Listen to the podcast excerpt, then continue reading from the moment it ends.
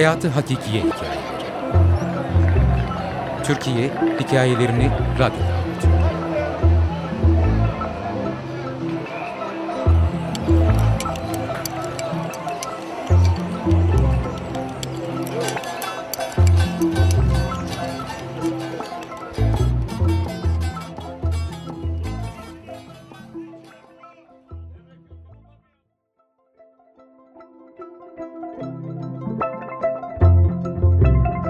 Üç Arkadaş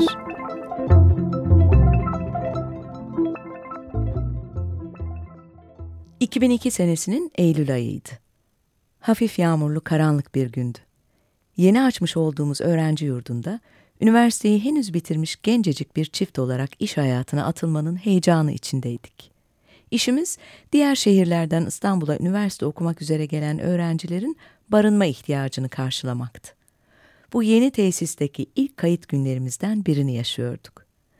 İstanbul'da doğup büyümüş bir genç olarak farklı şehirlerden, farklı kültür ve geleneklerden, farklı şivelerle konuşan insanlarla tanışmak, onlarla muhabbet etmek son derece hoşuma gidiyordu. Her görüşmeden sonra çocuklarıyla vedalaşıp ayrılan ailelerin farklı tavırlarını değerlendiriyor ve böylelikle Türkiye'nin değişik yörelerine dair kendimizce bir genelleme yapmaya çalışıyorduk. Bazı anne babaların çocuklarına karşı davranışlarını kınayıp onlara kızarken bazılarını ise takdir etmekten kendimizi alamıyorduk. Sonra çoğu kez bu özelliklerin yaşanılan toprak ve iklimden ziyade yetiştiriliş tarzından kaynaklandığı fikrine varıyorduk. O baba kim bilir hangi şartlarda büyüdü ki bu kadar cimri. O anne nasıl bir çevre içinde şekillendi ki çocuğunu bu kadar kısıtlıyor gibi sorular ve bunlara verdiğimiz cevaplarla insanlar hakkında fikir edinmeye çalışıyorduk. Arada sırada iyi kötü sürprizlerle de karşılaşıyorduk tabii. Oğluyla çay içip sırasını bekleyen sakallı bir hacı amcanın bizimki gibi bir yerde ne işi olduğunu düşünürken adamın görüşme esnasında Oğlum elektro gitar çalıyor, onu cemaat yurtlarına yollayamam. Zaten ben de onaylamıyorum onların yaklaşımını dediğini duyup utandığımı hiç unutmam örneğin. Ön yargı ne beter şeymiş diye geçirmiştim içimden. Büyük ve gelişmiş bir şehirden gelen ekonomik düzeyi yüksek bir aile ile küçük ve imkanları kısıtlı bir kasabadan çıkmış, gelir durumu düşük bir aile arasında zihinsel derinlik açısından ters orantı gördüğümüzde ise hayatta bazı şeylerin parayla gerçekleştirilemeyecek ölçüde değerli olduğunu görüp seviniyorduk. İşte böyle düşüncelerle geçen o Eylül gününün sonunda akşamüstü üç delikanlı girdi yurdumuza. Ufak tefek, saygılı, liseyi yeni bitirmiş ama henüz reşit olmamış gençlerdi bunlar. Hiçbirinin ailesi yanlarında değildi. Tek başlarına görüşmeye gelmişlerdi. Kararları da kendileri vereceklerdi. Epey şaşırdık. Çünkü ailelerin taleplerinden o kadar yorulmuş olduğumuz bir anda fazladan hiçbir beklentisi olmayan, tek isteklerinin temiz ve demokratik bir ortam olduğunu belirten pırıl pırıl mühendis adayları vardı karşımızda. Konuştukça öğrendik ki Üçü de aynı yatılı okuldan arkadaşlarmış. Annesini veya babasını kaybetmiş başarılı çocukların sınavla kabul edildiği, eğitimin ve insani ilişkilerin çok kuvvetli olduğunu bildiğim bir yatılı okuldu bu. Okullarını öğrenince aralarındaki bağın bu kadar güçlü olmasına şaşırmadım. Çünkü üniversiteye hazırlık kursunda sadece o okulun öğrencileriyle dolu bir sınıfa düşmüştüm.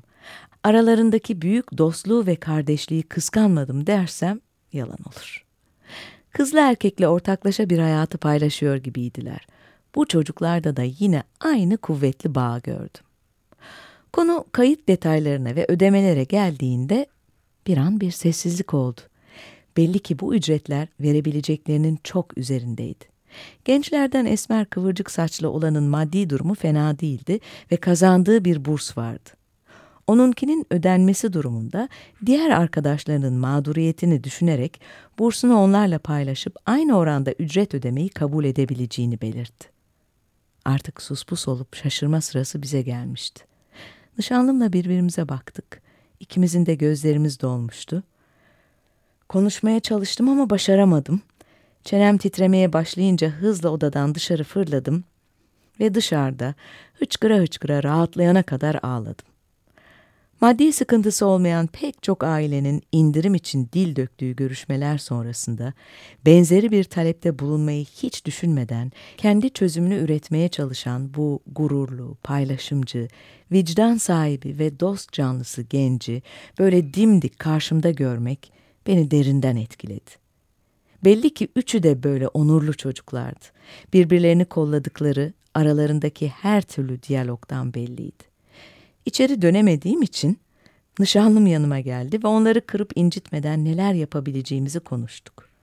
Ödemelerini rahatlatabilecek oranları öğrenip belli miktarlarda burs vermeye karar verdik. Çok fazla düşünmeye gerek yoktu zaten. Her halleriyle bunu hak ediyorlardı. Notlardan, okullardan, kazanılan derecelerden daha mı önemsiz de insan olabilmek? Hayatta en büyük başarı insanca davranmayı becerebilmek değil miydi? Bu aldırışsız dünyada, bu çıkar ortamında, birbirlerinin ekmeğinde gözü olanların arasında kendininkini bölüşenler takdir edilmeyi hak etmiyorlar mıydı? Giderek daha hoyratlaşan bir düzen içinde pek çok şeyden daha zor değil miydi bunu başarabilmek?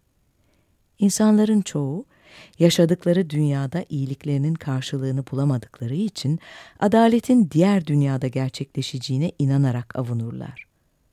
Sabır dediğimizse zor bir süreçtir. Bir süre sonra sabrı kalmayan iyilikten güzellikten vazgeçebilir. Oysa gönülden gelen iyilik ve güzellik hiçbir karşılık beklemez. Gencecik yüreklerde, gencecik beyinlerde, ışıl ışıl gözlerde gösterir kendini. Yıllar geçti aradan. O güzel çocukları her hatırladığımda gözlerime yaşlar, içime ise kocaman bir umut dolar. Üç Arkadaş. Yazar Şeyda Şenyuva Çakır. Editör Meltem Gürle. Okuyan Tilbe Saran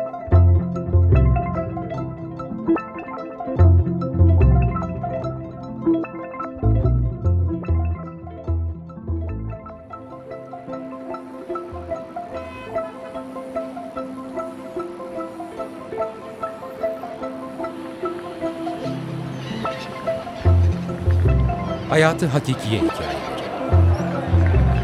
Türkiye Hikayelerini Radyo'da